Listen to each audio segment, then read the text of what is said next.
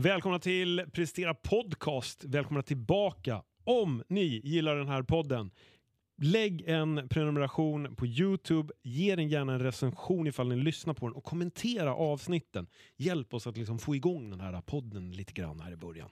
Jag heter Paul Levaje. I vanlig ordning så har jag alltid The Big Man, Elliot. Äh, jag skämtar bara. Elliot. Ja, för fan alltså, jag höll på att flippa där. ja, men nu är vi tillbaka igen. Ja, Precis. igen är vi här. Men du, träningen, vad, Mm. vad händer? Du la upp en bild igår på, eh, på dina ben och då undrar jag, vad, vad är det du har gjort? Ja, vad fan har jag gjort alltså? Äter som häst, tränar som häst, då får man hästben alltså. Ja. Det är viktigt. Nej men, eh, ben har väl alltid varit en stark punkt tror jag. Så jag bara har väl fortsatt att träna dem. Ja, det Jag ska det. faktiskt köra ett eh, benpass imorgon med Karl som jag brukar filma åt. Just det. Han är fan livrädd så det blir jättekul. Ja, han ska vara rädd. Jag hade också varit rädd med de där benen, då, då vet jag inte hur jag hade hanterat det. Men eh, jag, kan, jag kan i alla fall bekräfta att han äter som en häst. Jag hinner ungefär vara här kanske två, men typ tre timmar per gång när vi spelar in. Och jag tror att det är fyra matlådor som åker ner. Det är liksom inte Det är en gång i timmen, det är en gång i halvtimmen. Det, är, Mycket det, det äts mycket, ja, gör det verkligen. Det är det är tur att man har SSN-isolat också. Så, annars Exakt. hade det blivit tufft. Exakt. Och med det sagt, kom ihåg att om ni beställer från SSN så lägg in koden PRESTERA så kommer ni att få rabatt på er beställning. Och då kanske ni får, eh, kanske bara, det är ingen garanti, men kanske får de här Elliot-benen på köpet. Mm. Ni kommer i alla fall kunna prestera bättre. Det, är, det är garanterat däremot. Prestationen är, är garanterad. Ja. Vi har ju såklart med oss en, en gäst. Det är inte bara jag och Elliot som är gäster här, utan här har vi den hedersgästen, Alice Andreasson. Välkommen till Prestera Podcast. Tack så jättemycket. Ja, kul att ha dig här. Det ska bli jätteroligt podda faktiskt. Det var, det var länge sedan jag gjorde en podd så det ska bli Ja. jättespännande. Ja, ja men intressant. Vi får se var vi hamnar. För i den här podden så djupdyker vi liksom i allt möjligt. Så får vi se vilken historia och vad du har att berätta. Mm. Här. Men jag ser fram emot det här. För som jag sa till dig när vi träffades idag, det här är första gången som du och jag träffas. Så du, i, mi, för, i min värld så är du en tjej som liksom dök upp på sociala medierna och helt plötsligt dök upp i princip överallt och fanns liksom lite överallt och sådär. Och jag är nyfiken på hur kommer det sig att du bara fanns överallt helt plötsligt? Ja, det är ju en väldigt, väldigt, väldigt bra fråga. Och sen så vet jag inte om jag finns överallt, det vet jag inte, men jag skulle påstå att jag gör. Men eh, jag började med min YouTube-kanal och eh, innan det hade jag en blogg. Och sedan så var det väl att jag tävlade i bikini fitness och att det gick bra. Mm. Och det rullade på. Ja, det var det. Tack för att ni lyssnade. Ha det jättebra. Ja, ses nästa gång. Nej men kul, men, men jag tycker så här, vi börjar då från rätt ände helt enkelt. Eh, liksom lite så här, vem är Alice och hur kom du in på ja, fitnesssvängen? Det känns som att jag har varit med i hundra år, samtidigt som det känns som att jag kom in här igår. Mm. känns som att jag varit hundra år. Men i hela fitnesssvängen, Bikini Fitness kom ju till Sverige 2014 och då var jag där och kollade på Lucia-pokalen och såg att det här, det här är någonting som jag vill testa göra. Det här ser så coolt ut, så det här vill jag göra. Och innan det så hade jag en bakgrund i att man, jag var lite, man skulle väl kunna säga att jag var inte, jag var inte stor, men jag var ändå en liten större tjej. Och så fick jag väl lite pikar från det och kom in i ett beteende med att träna mycket cardio och inte äta någonting. Och sedan så var jag på den här fitnessfestivalen 2014 och såg Bikini Fitness och såg väldigt, väldigt, väldigt coola fysiker och duktiga atleter. Och kände att okej, men jag, det, det är det där jag ska göra. Det är det där jag ska satsa på. Och då fick jag träffa en väldigt duktig atlet och prata med henne. Och då sa hon i princip till mig att Alice, om du vill göra samma sak som jag, då måste du börja äta mat. Och då så precis öppnade faktiskt ett annat kosttillskottsbolag i min stad upp sin butik. Och då gick jag in dit och sa hej, jag ska börja tävla. Jag ska börja tävla i bikini fitness. Så är det någon här inne som kan coacha mig och hjälpa mig? Och då sa de absolut, vi kan, eh, jag kan hjälpa dig med det.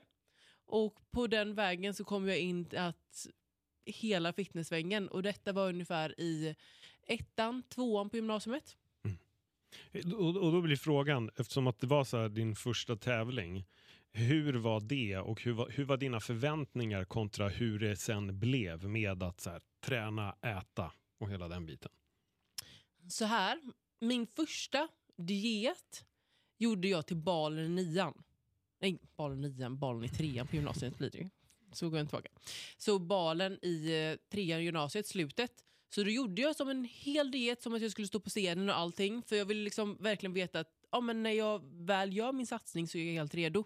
Mm. Så då gjorde jag egentligen att okay, men det var min tävlingsdag. Liksom, när jag skulle ha på mig min badklänning och stå där i badhusparken. Eh, så att då hade jag den coachen fram till dess. Och sedan när jag gjorde min tävlingssatsning så tog jag även hjälp av en annan coach. En ny coach och kom in i ett team och visste då med mig att jag hade gjort min testdiet och att det gick bra och kände att jag tyckte det var roligt med utmaningen och allting och kände att jag vill testa fast momentet med att stå på scen också. Mm. Och, och hur var det när du väl fick stå på scen? Det var jätteroligt. Alltså inte som en första gången. Alltså du är helt uppslukad av det här. Det är, alltså det är verkligen hela din värld är fitness och det är det enda som betyder någonting och man bryr sig inte om någonting annat. Och allting bara var jätte, jätteroligt. Mm. Så du var inte nervös när du klev upp där? Grejen är typ att jag var inte så nervös. Alltså man, jag var mest taggad för jag visste vad jag skulle göra. Jag hade övat jättemycket posering. Alltså jag fick mina, jag önskade mig poseringsskor när jag fyllde 18 i födelsedagspresent. Och jag hade, alltså, jag hade stått i de där klackarna så många timmar och vridit och vändit på mig och hållit på. För det var liksom allt, hela min värld som bestod av det. Så att när jag väl skulle gå upp där så är det bara, nu äntligen ska jag få köra egentligen. Men då låter du, då var ju du ex, verkligen extremt dedikerad och tog det här på jättestort allvar Ja. redan från, från sekund ett. Mm. Men vad, vad, liksom, du säger så här, jag såg de här fysiken och blev, blev, liksom, ty, tyckte att du också ville göra det här. Mm. Men vad var det för någonting som liksom växte i dig som gjorde att just det blev så himla speciellt för dig? Att du verkligen dedikerade dig så här hårt? Jag kanske inte har ett svar på det, men, men jag- Så här, jag har gjort konståkning i 13 år. okej. Mm, så jag är bak min bakgrund är konståkningen. Och sedan så börjar ju det dala någonstans i gymnasiet. Det är inte lika roligt längre, man vill inte satsa på det. Och då vill jag fortfarande satsa på någon sport. Och jag är väldigt van att köra själv. Jag är väldigt van att presentera, för konståkning har ett fritt program. Och du presenterar, här är jag i min dress och jag gör den här, ja, men på det fria programmet liksom. Och då är det ändå en liten översväng till fitness. Och samt att jag kommer lite från ja, men lite från ätstörningshållet på det sättet i början där också. Och då är ju också att gå in i fitness är också en form av kontrollerad form av att hantera sin kost. Men då kanske på ett bättre sätt. Så det fick ju mig liksom att komma ur hela den spiralen, tänka att jag skulle äta lite. För nu fick jag ett större mål om att jag skulle nå den här fysiken och då kommer jag behöva göra det här. Så att strukturen fanns ganska mycket där.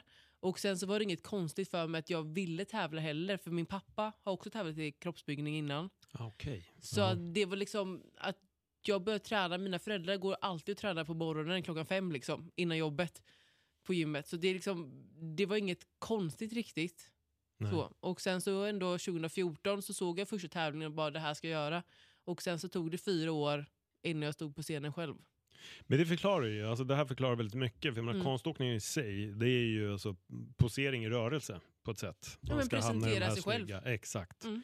I de här specifika, alltså alla snurrar och allting som du gör. Så jag kan förstå den länken. Och sen också när du har en pappa, ja men då fattar jag ännu mer. Då Ja. har du ändå haft koll på liksom världen och då förstår jag att du kliver in så seriöst. För att det är inte alla som inte har haft någon, vad ska vi säga, en, en bakgrund där man kanske har behövt fördjupa sig i någonting som kanske går in och tar det så seriöst. Jag har ju presenterat de här eventen några gånger nu och det finns de som gör en pose och sen är de klara och sen finns det de som verkligen har full koll på allting, ställer sig i alla poser och har sin tid och liksom struktur. Så att det särskiljer sig så mycket mellan alla som kliver upp där. Men coolt att höra att du liksom ändå hade satt rutinen på det sättet så pass tidigt i din ja, men, vilja att tävla. Ja. Ja. men, jag har en fråga där. För, för det, det finns fortfarande en, en viktig punkt här då, som jag inte riktigt vill svepa över. Mm. Och det är när hon säger till dig att du måste äta mat. Mm. Hur var det för dig att helt plötsligt då påbörja den här äh, matätningen för att nu kunna liksom bygga upp din kropp på korrekt sätt? För du sa ju det att du var ju snudd inne på liksom, ja, men en nästan lite ätstörningsgrej och att därifrån skifta över det till att börja äta. Hur var det? Så jag, var, jag var nere ganska lågt där ett tag. Alltså så.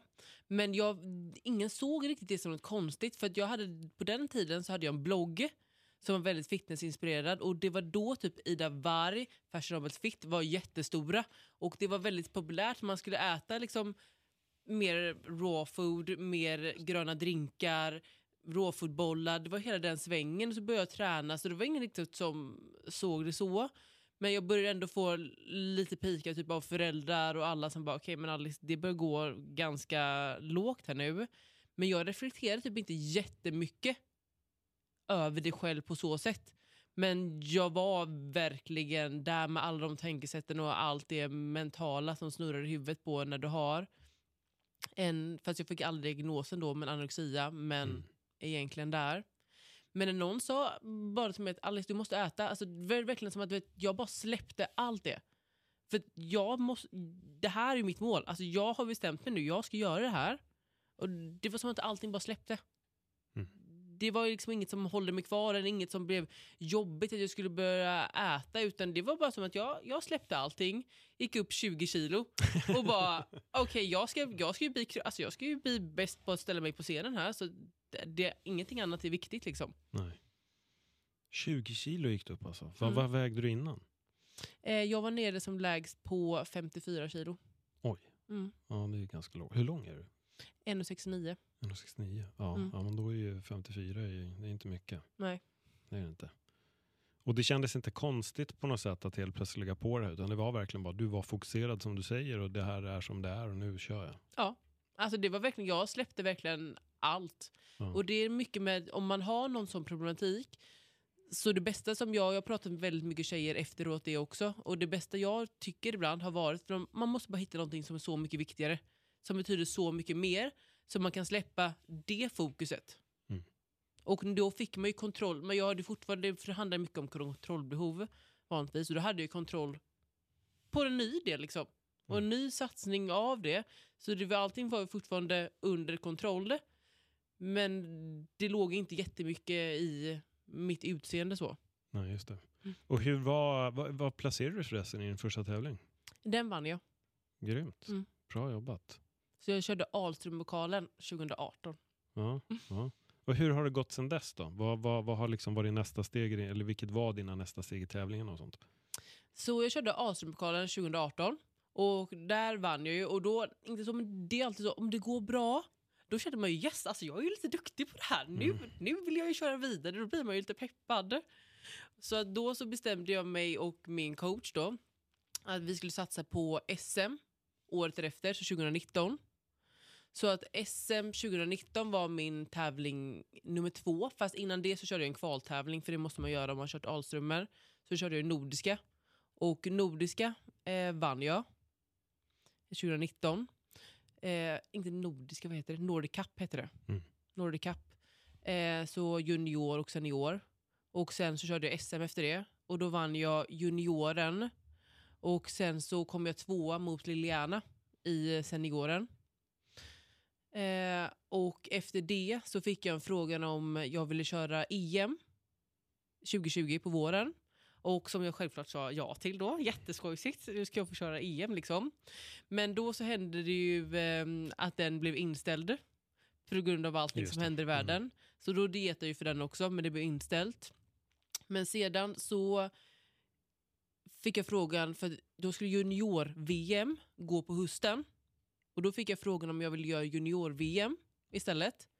Och då körde jag på den. Och den var väldigt mycket kaos där runt om innan. För att eh, ingen från landslaget kunde ju följa med mig och ingen ville ju åka iväg och det var rådande omständigheter. Så då så följde Lisa och Josef med mig till Rumänien. Och så körde vi junior-VM där, och som jag vann. Så att, eh, och det var, en, alltså det var så mycket kaos runt den resan.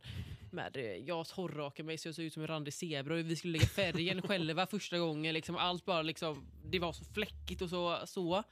Men det gick ganska bra till slut ändå. Eh, så att då så placerade jag mig på den och då fick jag även följa med till senior-VM sedan. Så då körde jag både junior och senior. Och sedan, det var 2020 och sedan så körde jag EM sen igen på våren. Fullt upp. Mm. från start. Så 20, från att jag tävlade 2018 så blev det, så var det liksom fullt ös. Ja, verkligen. Har du haft någon paus däremellan eller hur har det sett ut? Nej, utan den perioden så körde jag verkligen hela tiden. Mm. Eh, ja, fram till våren 2021. Och där hade jag ett paus på ett år, för då körde jag tyngre 2022 sedan. Mm. Så där var ju en lite längre paus, men sen 2018 var egentligen typ, Nonstop. Ja. Vad men grymt. Grymt. för det är ju det, men den här sporten liksom, man, det är svårt att göra flera tävlingar egentligen per säsong för att fysiken ska hålla och, och allting, för det är så mycket som går in i det. Så det blir ju verkligen, det blir långa perioder får man förbereda sig för en tävling. Mm. Så det ibland så när man pratar med människor så låter det som att men, va, du gjorde bara en tävling på den säsongen. Men bara, ja, men jag var tvungen att förbereda mig 18 000 år innan. för att jag skulle vara i form. Vad, vad, vad, vad tycker du är det mest, eh, vad är det svåraste med allt det här skulle du säga?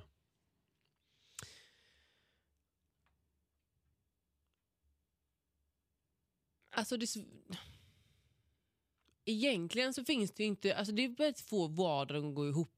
Mm. Det ska sägas att det, den det gick verkligen som bäst, jag hade som bäst flow i allting. För att 2019 så började jag plugga till sjukgymnast, eller fysioterapeut. Så då så började jag plugga till fysioterapeut 2019 och den utbildningen är ju tre år. Och då bodde jag ju i min lilla etta, pyttelilla rum, helt själv liksom och bara gjorde min grej. Och bara, jag pluggade och tränade och tävlade. För då kunde man ju styra mycket av sin egen tid eftersom ja, viruset spreds där med och mycket studier blev liksom hemifrån studier. Så då gick jag till min kompis i Linköping och så satt vi där och pluggade tillsammans. Och då kunde man ju styra exakt om vi vill äta nu eller då. Man behöver inte sitta i ett klassrum. Så att mycket omständigheter runt omkring gick väldigt bra ihop. För det var ju ingen som brydde sig där liksom vad jag gjorde eftersom jag bodde ensam i min lilla, lilla lägenhet liksom och kunde köra cardio 18 timmar om dagen liksom och eh, träna när jag ville. Så att, att få alla ting runt omkring att gå ihop så att du kan fokusera på det du ska fokusera på. För att kroppsbyggning är verkligen en 24-7 sport med hur mycket sömn du får, när du äter, hur mycket vatten du dricker, jada jada jada. Och att få det att gå runt så smidigt som möjligt är verkligen det som är det svåraste. Det är det svåraste. Vad skulle du säga är det enklaste då? Det enklaste är ju att du- alltså, du, ska göra, du ska träna och du ska äta och det är som egentligen är det enklaste. Mm. Mm. Att bara, bara göra. Ja. Mm. Jag vill backa lite till din blogg. Mm. Vad hände med bloggen när du liksom sadlade om i allt det här och började äta på ett annat sätt och så fortsatte bloggen eller? Det, var, nej, men det var då bloggen startade egentligen. Okej. För det var ju då det var väldigt trendigt. För det var då Mm. bloggtiden pikade. Någonstans där. När jag eh, gick i eh, åttan. Mm. Det var ju, för det var ju då liksom, det var ju då första iPhonen kom. Mm. När jag gick åttan liksom. Och det var ju då bloggarna började komma också. Så det var ju bloggens tid. Och sen så har jag dyslexi så jag har väldigt svårt för att formulera mig i text egentligen. Och det låter väldigt dåligt när jag formulerar mig i text. Och jag gör väldigt mycket stavfel och väldigt mycket konstiga saker. Så att jag håller på att kämpa med min blogg där. Men det tog ju också mig 18 000 år att skriva liksom tre rader för att, ja, något flow i det. Mm. Så då körde jag på med den alltså, väldigt länge. Egentligen tills att Youtube började bli en grej i tvåan på gymnasiet. Mm. Och jag verkligen hittade in mer i fitnessen och skulle verkligen satsa. Och det var ju där någonstans som Youtube började bli en grej. Och då så här bara, okej men självklart jag ska ju prata istället. för jag kan ju, det tar 18 000 år för mig att skriva och jag tycker det är mycket roligt att göra film. För när vi var små så gjorde vi vi har filmat, alltså vi har gjort så mycket filmer och långfilmer och jag har suttit och klippt liksom på alla Windows-programmen när jag var liten. Så jag har så mycket, vi har filmat Askungen och gjort massa reklamfilmer och uh, Barbie-shower och allting. Så då bara, okej men då, självklart, jag ska göra YouTube istället. Ja. Jag måste bara fråga här, hur gammal är du? 26. Okej, jag blev förvirrad här med 18 000 år så jag tänkte att du kanske var Ja. jättegammal. Ja, det känns ju så men nu har jag fixat till mig. Du ser ganska ung ut. Ja, tack så mycket. Ja, men kul, men intressant att du, precis, just det, video, för du började ju med bloggarna och sen blev det video, eller videovloggar, vloggarna som man kallade det för, så sen började det ta Ja, över. jag började egentligen på det Vimeo, heter det va? Vim, ja, exakt. exakt ja, ja. Det började jag göra och la ut det på bloggen. Mm. Så det gjorde jag först innan, liksom, okay, men innan man fattade att Youtube skulle man ju göra istället. Ja, liksom. ja. Mm. Jag började göra Youtube 2006. Ja, jag var ju lite efter där då Ja. om man eh, jämför Men, med men jag då. var för tidig. ja. Felet var att vi, vi var på tok för tidiga. Mm. Så att, eh, 2015 började jag då där. Så jag Ja. var ju nio år senare. Precis. Mm. Men jag tror också att 2014 kanske. när vi lämnade det så tog det två, tre år och då kom den riktiga explosionen. Ja. Så mycket av det jag har gjort har alltid varit långt före min tid. Så jag är 18 000 år. Ja. Sagt. det var därför du tänkte det. Har jag sett dig då på den tiden Ja, eller inte? precis. Ja. precis. Ja, men intressant. Vad, vad, vad fick du för respons? För att jag minns ju när den här tiden började och det Mm. blev ju en stor explosion. Som jag sa till dig innan vi spelade in, jag jobbar ju som PT. Mm. Och när jag började, då körde tjejer jättesällan knäböj. Körde de knäböj så var det med extremt enkel vikt. Ofta stod de och fjuttade med någon superenkel vikt. Mm. Men sen hände någonting. De sista två åren som jag jobbade som PT, då började liksom de unga tjejerna komma in, Mm. började liksom slå oss grabbar i knäböj och, och, och ta i mycket mer. Så det, det blev liksom ett skifte helt plötsligt. Och jag tror att det är liksom lite din... Jag din tror, att jag, era. kom in, jag tror att jag kom in väldigt typ precis i det Exakt. skiftet. Jag kom in typ när Youtube började liksom bli mer en grej. Jag hade bloggat och allting innan. Och jag då, då och där, så var jag kanske en, ja, men en av de få tjejerna som pratade och hade som fokus bikini fitness på Youtube och följer alla mina tävlingar. Mm. Och var det många som började liksom höra av sig till dig om scheman, hur tränar du, hur ska jag göra? För jag kan tänka mig att eftersom att du var tidigt ute med det här så måste du också bli en inspirationskälla. Precis som Kristin liksom blev din inspirationskälla så måste ju du ha blivit det åt, åt andra också. Exakt, så där var det när man väl började tävla och fick liksom, ja, men första tävlingen gick igenom, andra tävlingen, det kom mer och mer med det. Och sen att jag gjorde liksom mer samarbeten med andra personer, som att jag gjorde samarbete med Hanna Öberg och stod lite inför hennes saker, för vi bodde grannar. Jag gjorde en video med JLC om bikini fitness, som också gav lite mer ja, men uppmärksamhet åt bikini fitness och åt youtuben och åt ja, men kanske det jag sysslar med Mm. där. Så att eh, det är ju också att man ska nå ut till folk och hitta personer som når ut till folk så att man kan vara med hos dem. Precis. Och med det så kom det mer och mer som hörde av sig och frågade. Så att jag började faktiskt, och det har jag börjat med nu igen, så då började jag coacha. Jag coachade faktiskt sedan 2016. Okej, Ja, hur började det? jag, för då var det så många som hörde av sig. Alla undrar ju så här bara, ja men Alex du som är fitness, hur ska jag göra, hur ska jag äta, hur ska jag så liksom? Så då så började jag med eh, ja, men träna folk egentligen på gymmet. Och du har ju också varit PT på Sats Mm. och jag har också varit PT på Sats. Okej, faktiskt. ja. Ja, jag gjorde den uh, utbildningen med The Academy. Mm. Så jag utbildade mig först till personlig tränare och kostrådgivare. Den, och så började jag jobba lite på Sats. Och sen så insåg jag att jag ville ju plugga mer. Och då så flyttade jag till Linköping, Gudde sjukgymnastutbildningen. Mm. För, för den är klar nu va? Din Ja, den- den- ja, den för, är- för du sa att du påbörjade den, var det 2018 eller 2019? 2019. 2019. Mm. Ja, okej. Så nu jobbar du då som sjukgymnast antar jag, eller? Eh, ja, eh, jag jobbade lite över ett och ett halvt år som sjukgymnast, pla- plats på så. Och sedan så har jag alltid haft en vision om att jag vill ut och resa. Resa längre. Eh, för vi har rest en, ändå en del i, med familjen. Vilket har varit jätteroligt. Och gjort väldigt mycket coola resor. Och eh, framförallt fokus på dykning. Okej, ja. Så vi har väldigt mycket coola dykningsresor. Var, var har ni åkt? Eh, Jag- lite överallt. Väst, ja, my, men, men, ja, mycket Egypten, mycket Egypten för där är jättefint, jättefint vatten verkligen. Men sen så mycket fina dyk i Maldiverna, mycket Västindien. För nu vill jag ha någon sån här äh, dykningsanekdot där det händer någonting. Jag vet inte, kanske någon haj börjar attackera er men ni tog er därifrån. Eller Mm. Det, Finns det sånt? Det värsta var nog när vi var i ett stim mitt ute på Röda havet. Man åker på liverboard. Så man är ute på havet och inte kommer in på land på en, liksom, sju dagar. Och så hoppar vi ner och sen så helt plötsligt så åker man ut med en liten Zodiac lite längre bort och så slänger man sig bak där. Och sen när vi sjunker ner så kommer ett stim på verkligen 300 hammarhajar och simmar förbi en och då kände jag så nej nu. Ja det var ju sista jag gjorde i hela mitt liv liksom. Det var nog det var en av de värsta gångerna och sen var det värsta gångerna för man har en regulator som det heter som man sätter i munnen. Mm. Och då så, ja, jag håller på att tugga på allting och ingenting liksom. Så då tuggar jag ju sönder den och sen spottar jag ut den här delen i regulatorn. Och då, alltså vi är inte nere jättedjupt men det är ändå liksom typ 35 meter så det är ändå ganska djupt liksom. Så det är inte så att man bara, ja jag simmar upp liksom, alltså så. Och då ligger jag ju borta och Tjotahejti och ska kolla på lite någon Nemo-fisk och ligga där liksom. Och då kände jag så här, okej nu är det slut för nu får jag fan ingen luft här. Så ska jag ta andra regulatorn, sätta den upp och ner så sväljer jag halva havet. Ja, det var också så här, okej, ja nu, nu är du körd.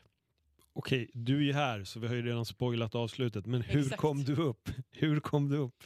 Nej, jag, jag var en väldigt bra simmare så jag simmade väldigt snabbt och fick tag i nästa persons regulator.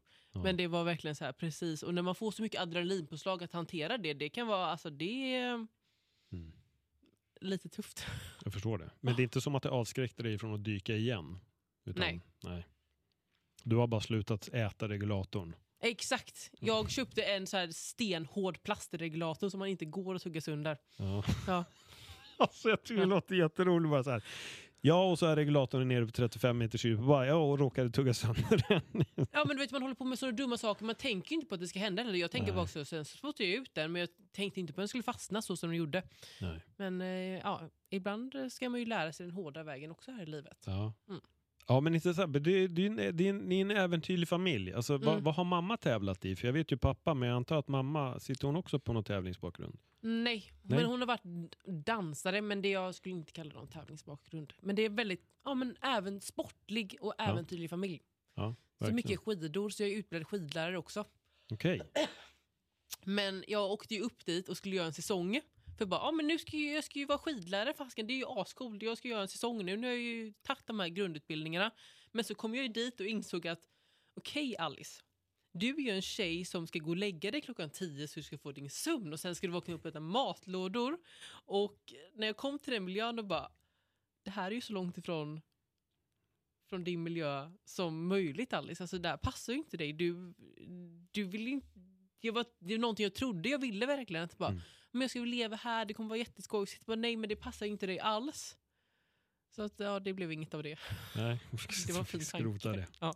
Men, men om vi går tillbaka till de här resorna nu då, som du ville göra innan Mm. jag liksom skickade tillbaka till de här frågorna om resor och hajar och, och regulatorer som ska ätas upp och så vidare. Mm. Eh, hur, hur har det gått där? Liksom, reste ni eller vilka reste ni med? Och, Eh, jag reste med min pojkvän. Mm. Så att vi reste... Och då fick vi så här, okej, nu, nu ska vi resa ut i världen. Så att nu så, vi säger upp alla lägenheter, vi säljer alla möbler, vi säljer våra bilar och allting. Nu ska vi ut i världen här och resa. Så att vi åkte till Koh Samui, en ö utanför Thailand först och var där en månad. Och detta är i augusti förra året. Så att då hade jag jobbat ja, men lite mer än ett och ett halvt år som sjukgymnast och kände så här, okej okay, men nu måste vi ut i världen och testa våra vingar innan, du vet, även om jag var lite ung där så börjar man ändå bli till åren och ska tänka på andra saker i livet eventuellt framöverledes också. Och då så bara, okay, men vi har inget fast nu, man måste.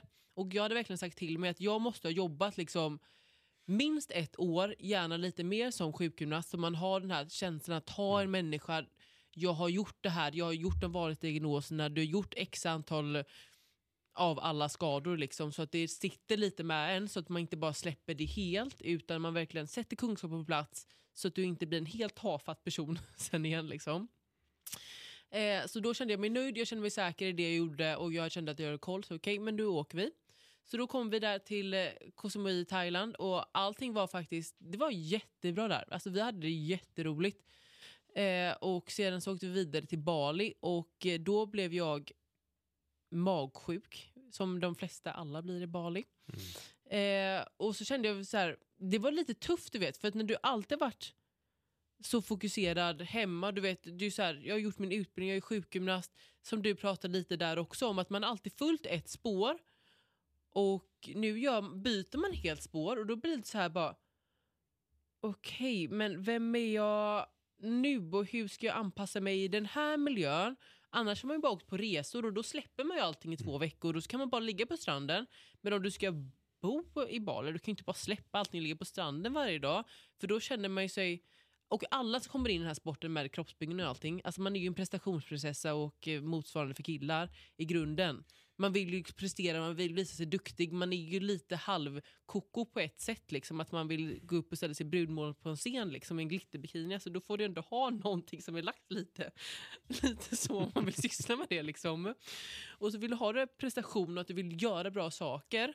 Men då blir det så här, det blev, det blev, det blev konstigt för mig. Så för jag bara, okay, men nu ska jag ju nu är jag ju här och ska göra det här men nu följer jag ju inte mina såna här rutiner som jag är van vid. Och då kände jag, alltså fick jag verkligen så här bara, och jag är van liksom att stå på sjukgymnastiken och hälsa på 20 personer varje dag. Och, Hej, jag heter Alice. Och verkligen, så det, det blev jättekonstigt. Typ, så här, vad, vad sysslar jag med här och nu? Mm. Och att istället verkligen för att se det bara som en resa och upplevelser så fick jag typ lite stress i att jag inte var en duktig fitnessmänniska samtidigt. Och så försökte jag hålla kvar i det väldigt mycket en ny miljö och det blev väldigt confusing för huvudet för vi hade inte satt, eftersom vi har ju sålt allting hemma så vi har ju inte satt så här att vi ska ju komma tillbaka där. För om man hade sagt det då hade man verkligen sagt nu måste vi ta tillvara för jag ska ju hem det här datumet. Ja. Men nu hade vi inget slutdatum så nu visste man ju inte hur länge det skulle vara eller någonting. Och det blev väldigt, väldigt mycket konflikt i, i huvudet och att resa runt när du verkligen är van vid att liksom du vet, du har allting så här och ordning och reda och nu ska du hitta en ny matbutik och du vet fasken inte var det ligger och ska jag göra det här? Ja. Det låter som att den här fina resan helt Ja. plötsligt ledde till någonting jätteoväntat och någonting annat. Och istället så blev det en konflikt med liksom, vem är jag som person? Ja. Och att det som skulle ge lugn och ro gav istället en stress för Mm. att du försvann från, precis som du säger, alla dina rutiner och sånt. Mm. Men liksom, hur länge var ni kvar på den här resan? Betyder det här att ni, liksom, fortsätt berätta, hur länge var ni kvar på resan? Och, Så då var vi i Bali och sedan så hade vi bokat ut till en liten ö som heter Gili Air som ligger där ute. Eh, så skulle vi åka ut på den ön och då när vi satt där och kom fram till den ön och det är en sån här ö man kan göra mer research också, det var vi lite dåliga på. Men så kommer man dit och sen är det ju bara häst och vagn på den här ön. Och det är liksom, det finns ju inget, det fanns ett gym men det är liksom, det är inget gym. Så. Och det blev så här... Det, det blev verkligen det blev jättestor stress som var jättekonstig. Liksom, för du ska ju... Nu ska du bara liksom leva life och ha det så, men det blev liksom jättestressigt på ett sätt också. Liksom. Det var ju helt fantastiskt samtidigt som det var så här, lite vad gör jag? För att man inte visste ju, liksom, hur länge jag skulle vara borta. Så då så satt vi där ute på Gilead och bara, nej vi vill ha rutin igen. Mm. Så vi hade egentligen bokat flera hotell efter det och vi skulle tillbaka till Bali och allting. Men då sitter vi bara där en kväll och bara boka flyg. Så vi skulle egentligen stanna till längre på Gilead också, men vi, bara, vi bokar flyg till Cypern. Så det blev, eh, det kanske blev typ tre månader totalt. ja. Och sedan så bokade vi eh, ett flyg på kvällen. Bara, vi skiter i de andra flygen. Vi har andra flyg egentligen vi skulle tagit. Men det är så här, nej okej, vi, imorgon åker vi till Cypern. Varför Cypern? För att mina föräldrar har en lägenhet där. Okej. Och jag har Mm. bott där jättestora delar verkligen. Så där så finns det liksom, allt finns där. Det finns en bil, det finns en lägenhet, det finns allting. För om vi åker till Sverige Mm. så har vi, vi har ingen lägenhet, vi har ingen bil, vi har ingenting. Liksom. Vad ska vi, vi kan ju inte åka dit liksom. Så då så åkte vi eh, till Cypern. Okej, Hur länge var ni där? Dit var vi fram till eh, första december i princip. Och vilket år var det då? Nu, äh, nu, nu i år? december. Ja, nu. Ja. Alltså, oj, okej. Wow. Den här december. Ja, så Mm. det vart ett rejält eh, skifte helt enkelt i allting. Så du, vad sa Mm. du, totalt var ni borta tre månader. Menar du då att... Nej, inte med Cypern. Okej, Eller jag, ba, ni, ni, ni kan ju räkna själva. Från Ja. augusti åkte vi. okej. Mm. Okej. Ja. ja, men okej. Ja, men då, då, då är jag med. Mm. Då är jag med. Wow. Så det var, alltså det var inte så, men det var så coola upplevelser som man fick vara med Mm. om. Vi, hade, vi bodde helt otroligt och det var så mycket fantastiska saker på de tre månaderna. Men det mesta var för en själv. För det är som Mm. alltid, jag har alltid haft typ en tävling som man hela tiden har satsat mot. Du har alltid haft en tävling och levt den här kroppsbyggarstrukturen och det är då man har varit en duktig människa när man följer alla de rutinerna och allt vad det innebär. Mm. Och att då bryta det helt och inte, alltså så här, det blev lite så här bara okej men Alice du har ju alltid en ny tävling på gång eller så här. Så och nu ska du resa runt liksom så jag hade behövt sätta mer för man mår väldigt bra av att ha mål och veta vad man ska hela tiden. Så vi hade behövt sätta kanske lite mer mål och sen så tog vi med oss med allt vi ägde och hade. Så vi hade kommit med 18 000 resväskor. Så det var inte så jäkla lätt att typ bara resa runt lite i Bali eller resa runt lite i Thailand. För där ska vi bara, ah, jo men vi har 100 kilo bagage. Alltså det var ju så här bara, ja. Ja då kostar det 18 miljoner om ni vill resa runt lite med allt det här jäkla bagaget. Så om vi hade gjort resan igen så hade då hade det varit bättre. på det. Ja. Men det, lå- det det blir lite komiskt för, för att liksom, de destinationer ni valde, till, Mm. nu bortsett då från Cypern, Mm. eh, och jag förstår ju varför ni drog till Cypern, Ja. men eh, det är ju de här eh, lugna spirituella resorna dit man åker för att hitta sig själv och meditera och Exakt. liksom ta det lugnt och bryta sig loss från allting. Men det blev fel. Helt enkelt. Ni, behövde, ni är nog två personer som behöver mer storstadsliv. Och det kanske var en, en resa som ni gjorde egentligen för tidigt i ert liv. Den resan kanske är bättre om ja, men tio år kanske. Men jag tror att Jag det, inte. det, är det är bättre för en resa. Mm. Alltså, man kan inte, alltså så här, det är bättre för en resa och det, vi hade inte strukturerat exakt och sagt allting hur det skulle vara. Nej. Och det hade varit bättre om vi hade sagt att okay, men vi ska vara en månad här liksom.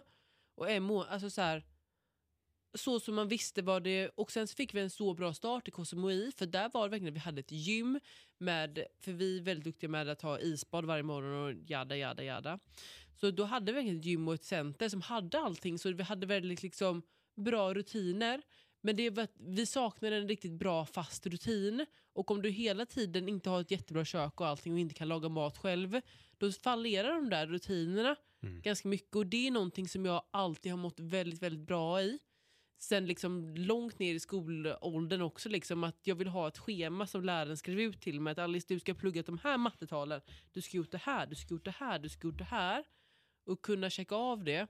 Och sen när vi kom till Cypern så hittade vi liksom ja, men en bra rutin. Och då må, må så mycket bättre i det. Ja, ja. det man må, alltså så här, för då känner man att man är, man, det är ju hemskt, men man måste känna sig att man är duktig liksom. För då, även om det inte, det, behöver, det spelar ingen roll vad det är ibland, men man måste känna att man liksom är duktig och kan bocka av saker. Mm. Ja, jag, jag tycker det är jätteintressant att höra. Ja. Jag, tycker inte jag är en sån som jag älskar ju lugnet. Alltså, Mm. Jag tycker det är väldigt skönt att åka, men, men det finns en gräns på något sätt också. Mm. Eh, när det blir för lugnt eller för isolerat och för lite. Och när jag har hört på din story liksom, som den har varit så kan jag Mm. förstå att just kanske de här destinationerna och några av de som ni valde, att det blev nog lite fel. Det blev för lugnt, det blev för lite av, av, av vissa saker. Ja men man bollar ju fel, inte så, men det är som jag skulle göra när jag tänkte att oh, men Alice du ska göra en säsong liksom, det blir en Mm. jättebra idé. Det är ungefär lite samma tanke. Och så bara, ha, men vill du vara i en miljö där de festar, där de dricker, där du Mm. inte f- ska fokusera på att Exakt sova eller någonting. Om du åker till Bali, ja men då får du vara beredd på att sitta uppe på stranden, ta en drink, gå med the flow. Om du kommer hem tre på natten så är det okej liksom. Men om du inte är en sån person så behöver du kanske inte gå och åka dit. Alltså så här. Alltså och tänka att du ska bo där på det sättet. Utan då skulle det varit mer, men det är så här, man har lärt sig väldigt mycket, Mm. mycket på det också. Ibland är det också så här, om man inte vågar och bara slänga sig nästa steg, ja, men då kommer man inte göra någonting. Alltså så, om Så är man inte bara vågar satsa på att köra fitness all in liksom och gå all in för det, då kommer du inte våga. Om du inte vågar åka dit så kommer inte det hända liksom. Jag måste prova. Ja, och om man är för trygg hela tiden heller, då kanske vi hade åkt tillbaka direkt till Sverige. liksom så. Mm. Men nu var vi tvungna att hitta någon annanstans, någon annan lösning och åka till Cypern istället och testa att vara där lite istället också. Och där har vi också nu skaffat jättemycket andra nya kompisar Mm. och byggt mer där. Så att, ja. Allt ont kommer med gott och goda saker kommer med onda saker. Så är det ju absolut. Men, och nu har ni varit hemma i några månader. Eh, och vad, vad är planen? Ja, i fem dagar.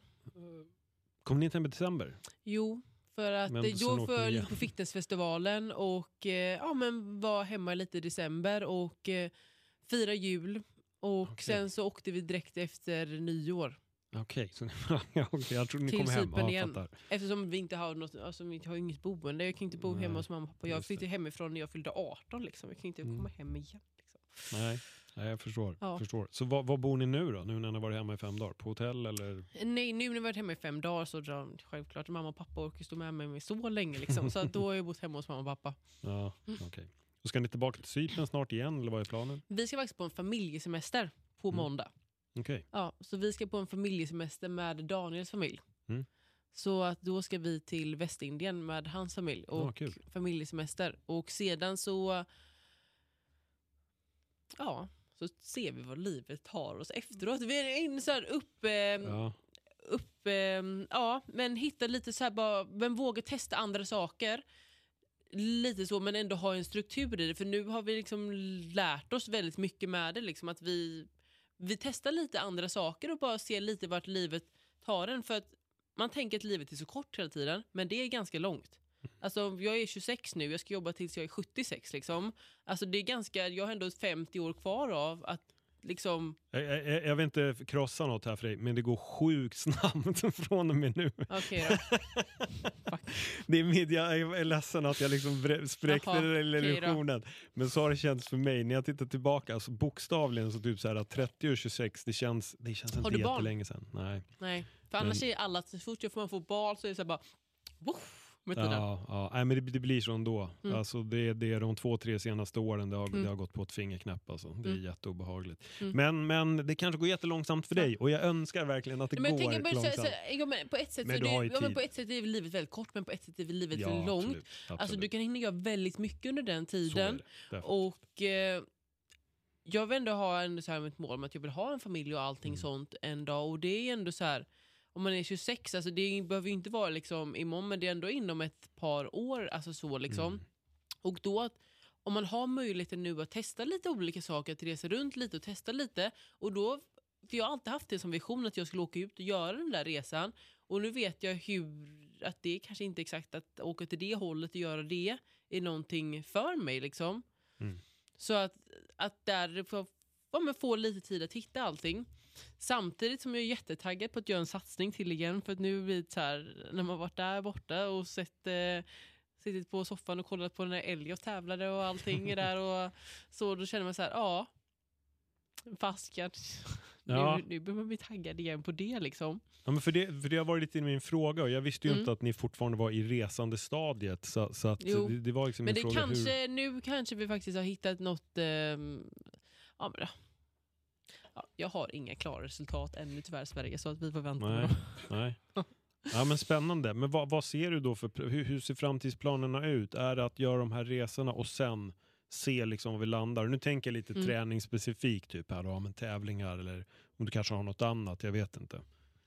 Exakt, så att där så har det varit lite så här, för att man, det som jag sa innan, det man vill ha man har en satsning, man vill ha det ganska så här, ja, men bra runt omkring sig så att man har en bra möjlighet att ja, men satsa och fokusera och göra. Och jag har ju varit liksom, bott själv liksom, stora delar av alla satsningar. Mm. Och det är också en sak att bo med någon att bo själv liksom, och göra allting och få allting att gå runt och gå ihop. Och då behöver man ändå ett hem som är alltså, ja, ett ganska stabilt. Liksom.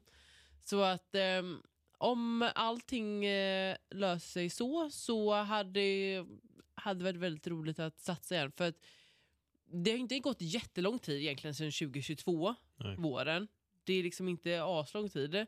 Men ibland så får det inte gå för lång tid heller för då så trillar man av hästen och så vågar man inte hoppa upp igen. Liksom. Och det var min sista satsning blev ju inte alls som jag hade tänkt mig. Det blev liksom, jag precis har börjat på sjukgymnastiken och jag ska satsa exakt mitt första liksom, två, tre månader in som sjukgymnast. Jag ska också satsa på att göra en tävling. Och det blev väldigt det blev väldigt mycket saker samtidigt och då blev det inte att jag kunde fokusera på mitt tävlande så Mm. som jag ville och hade tänkt att det skulle bli. Så då gick ju den tävlingssatsningen inte alls så som jag ville eller så som jag tänkte på något sätt. Och där hade jag också velat liksom, ja, men köra en till tävling för att visa mig själv också att bara Alice, du kan det här. Du liksom så här bara så. Vad var det som gick fel? Eh, det var det, som jag sa, där mycket som jag tror alltså, att allting runt omkring Mm. Ska vara på plats. Liksom. Jag har alltid bott helt själv och pluggat liksom, i min lägenhet i Linköping. Då är det så här, jag kan styra väldigt mycket saker själv. Men då har precis börjat liksom, ett nytt jobb som sjukgymnast. Och det är ganska mycket i början med alla skador, alla olika problem och att varje dag hälsa på någon, liksom, men 20 personer, alltså så här, Mm. varje dag och ta in deras problem och eh, så och samtidigt fokusera på sig själv och det man ska göra själv. Och så drog det över jättemycket med jobbet idag och så ska du komma till gymmet och så blev det kaos med maten och så Just det. och få allting liksom och där hade jag också flyttat ihop med en kille och bodde och då var det också att vår relation ska gå ihop i det och man bytte liksom ställe i livet och Exakt. allting. det- Så det var mycket förändring samtidigt Ja. som samtidigt som jag skulle fokusera på det och då så jag tror att allting handlar mycket om att ha liksom konstellationer runt omkring Mm. så att du kan fokusera på din sport och vad du ska prestera på. Och det tror jag är inom alla liksom Mm. sporter och allt man vill bra på så måste du ha den tiden att verkligen fokusera. Ja, det gav ju svaret egentligen tidigare i podden. Vad är det Mm. svåraste? Jo, att få det att gå ihop. Mm. precis så. Och här blev det tydligt då. Och det är det jag tror också gör den här sporten ganska komplex. Mm. Att det är så många bitar. Det är maten, det är sömnen och man, man får liksom inte schabbla på dem. Nej. Om du håller på med pilkastning, det kanske inte spelar någon roll om du käkade lunch eh, den dagen eller om du sov lite då, du kan fortfarande Mm. liksom öva. Men, men just det här så är det verkligen många bitar som måste klaffa, så jag kan förstå att det blir en viss komplexitet i, i det. Mm. Men kul att du ändå känner att du vill, att du börjar få den här glöden igen. Att, att Ja, men jag känner ju lite så, alltså så här, inte som jag tycker det är asroligt att träna men sen så har jag dragit på mig varför det blev också en paus och längre period är ju för att mm, jag började dra på mig väldigt mycket skador. Så jag har haft Mm. väldigt mycket problem med min kropp. Och det var det som hindrade lite. Jag hade två diskbråck i nacken så jag kände mig inte vänster. Alltså Mhm. det var mycket saker typ. För jag var väldigt stressad. Alltså jag var väldigt så här hela tiden. Och väldigt stressad. Och därför trodde jag också att när jag skulle åka bort att bara okej men nu ska du sänka stressen lite. Men då är du ju ännu mer stressad. Liksom, att nu är jag inte duktig för nu ligger jag här på en strand och får panik liksom, över det. Liksom. Mm. Så då blev det kontraproduktivt. Då är jag nästan mer stressad än någonsin har varit för att jag ligger där borta. Ja. Liksom. Så det är kontraproduktivt. Eh, men... Ja, nu tappar jag bort mig helt. Ja, nej, men, Ja. nej, men jag, och, och, och grejen är så när du säger det, jag är inte förvånad. Det är lite det jag menar med. Jag tror att andra destinationer är det som hade gynnat. Ja. Eh, Bali är, jag fattar verkligen tanken med att vilja dra på de här lugna Men det ställena. var för att det var så coolt. Man har ju Ja. sett Instagram-bilder, alla går på risfälten och det ser Ja. liksom wow. Och det var, alltså det är wow verkligen. Ja, alltså, det är supercoolt. Alltså, vi bodde på några otroliga ställen verkligen. Som var så här, man har vaknat upp till en djungel. Alltså, det är jättecoolt. Mm. Men bara där att känna att, jag vill typ känna att jag alltid har ett syfte med allting. Men jag tror att för dig hade jag typ LA väg. varit bättre. Träna på Golds gym. Det, det tror jag hade varit en annan, det hade blivit en annan resa. Ja. Jag. Det är det jag menar med, jag tror att ni valde Exakt. fel. Ni behöver något där det är liv och rörelse. Eller i alla fall du Ja, behöver liv och rörelse. Och det är därför jag tror att den där resan, den kanske är längre fram i livet och då är den korrekt. Och det är ju så att Exakt. vissa saker har sin tid. Eh, Att vissa destinationer, jag menar om du tar en meditation och yogamänniska och så drar den till LA så kommer jag säga gud det är superspeedat här och fan vi skulle ju liksom resa runt till USA. Mm. Medan du på Bali som kanske var rätt resa för den personen. Att det, det, det är det jag menar, det blir, vissa destinationer blir fel, även om de är fantastiska exakt. så blir de lite fel. Mm. Men, eh, men ja, nu har du gjort det, du får känna på det. Ja, men exakt. Och så här, bara, om, man, om man inte gör saker så vet man aldrig heller. Nej, liksom. så och så, Absolut. så får det gå och då lär man sig mycket på det. Liksom. Ja. Och så har man bara ännu mer erfarenhet att ta saker framåt. Liksom. Och det är så här, ja, i slutändan av dagen, ja, det var tre månader. Alltså så här, och det Mm. var, jag gjorde så mycket fantastiska saker på det också. Liksom. Så Mm. att liksom så här, ja. Det var det var det det var. ja. En fråga till dig. Eh, om det finns någon som eh, vill så här, dra igång träningen och göra en satsning. Mm. Vad skulle du ge för råd till den personen? Rådet är verkligen att alltid ta hjälp av någon. För det, när jag verkligen började ta hjälp av någon och komma in i rutin och liksom, men någon som vet vad sporten innebär och du kan prata med den, fråga alla frågor, man kan styra upp. För det, alltså, det är ganska mycket när man inte liksom har koll på sporten. Eftersom det är en 24-7-sport så är det ganska många moment liksom, Mm. under en hel dag och förklara lite för att ja, men det är viktigt när du sover så här och äter så här och tränar så här. Så att verkligen ta hjälp av någon är verkligen det viktigaste. Och sedan självklart ha koll på mycket saker själv också. Göra sin research och verkligen gå på tävlingar. Alltså jag vet inte hur många tävlingar jag sprang på. Alltså från 2014 när jag såg den första, då var jag på varenda enda, enda, enda tävling. Alltså jag kollade på alla tävlingar verkligen. Och det var liksom då Samantha Jerring typ körde du vet junior-SM mm. i Alströmer och Frida Paulsson, hon körde också liksom där. Jag sprang på varenda tävling, liksom, tog bilder med alla. Jag tvingade liksom hela min familj att vi måste åka på Fibo. För jag måste vara ännu mer i fitnessvärlden. Jag måste liksom så, jag vet inte hur många fa- autografer jag har från eh, Sara Back. Liksom, för jag träffar henne överallt. Och bara, Sara Back, får jag ta en bild med dig igen? Liksom. Alltså, så här bara, alltså, man får liksom gå in i... För det är verkligen 24-7-sport, så det behöver liksom vara 24-7 också. Lite. Och sen gick ju du och blev det, för jag kan tänka mig att idag är du eller den personen som också folk vill ta bilder med, som inspirerar precis som de här tjejerna gjorde för dig, eller?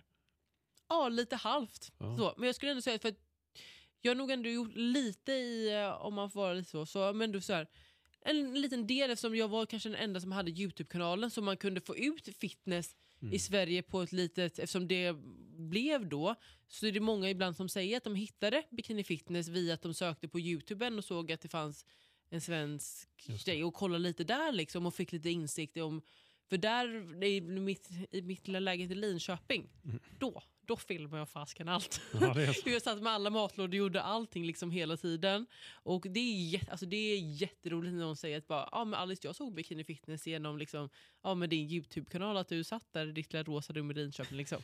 Så det är, alltså, det är jätte, jätte, jätteskojigt verkligen. Det är kanske är det ni måste göra, fllytta tillbaka till det rosa rummet. Ja, du, nej. Två stycken i det lilla rosa rummet. Ja, då, eh, då blir det en kort relation till. Ja. Elliot, hur känner du? Har jag missat något? Är det någonting som är du, jag tänker du har ju koll här. Ja du, jag har väl rätt bra koll men eh, jag tror du täckte det mesta. Alltså, det vi har gått så? igenom resor, vi har gått igenom karriär och träning. Ja, eller hur ser, hur ser träningen ut nu för tiden? Med, du har ju haft lite skador och så. Eh, träningen nu för tiden ser det ut att jag tränar överkropp och underkropp. Egentligen, och det har jag gjort ett bra tag. Så jag kör överkropps underkroppspass, vila och sen rullar om så hela tiden. Och det har fungerat väldigt bra för mig och sen så har jag anpassat väldigt mycket övningar alltså runt skador. Jag gör liksom inte alla övningar utan hittat de övningar som fungerar bra för mig och håller mig till där. Ja, men super ju. Det är Mm. jättebra. Du är hel i kroppen igen, eller helare i alla fall. Ja, hela det. Ja. Ja, och det är därför jag kände så här bara, Nu börjar det kännas lite bra här så nu, nu kanske man kan Mm. köra lite. Ja, men det ser vi fram emot. Alice, jättestort tack för att du varit med, Tack delat. Om folk inte redan följer dig på din resa, hur hittar man dig då? Eh, Alice A med tre E på Instagram och så är det bara att söka på eller Alice A, vad säger jag? Alice Andreansson på Instagram med tre E eller på Youtube bara Alice Andreansson. Och det är Mm. de två kanalerna som jag skulle säga att jag är mest aktiv på. Snyggt, jättebra. Stort tack ännu en gång Tack så för att du kom hit. Tack till alla er som har sett så här långt. Om ni har gjort det, snälla, likea den här videon, lägg en prenumeration, lämna en recension på uh, den poddappen ni lyssnar på så skulle vi uppskatta det jättemycket. Tills nästa gång så får ni ha det jättebra. Hej då!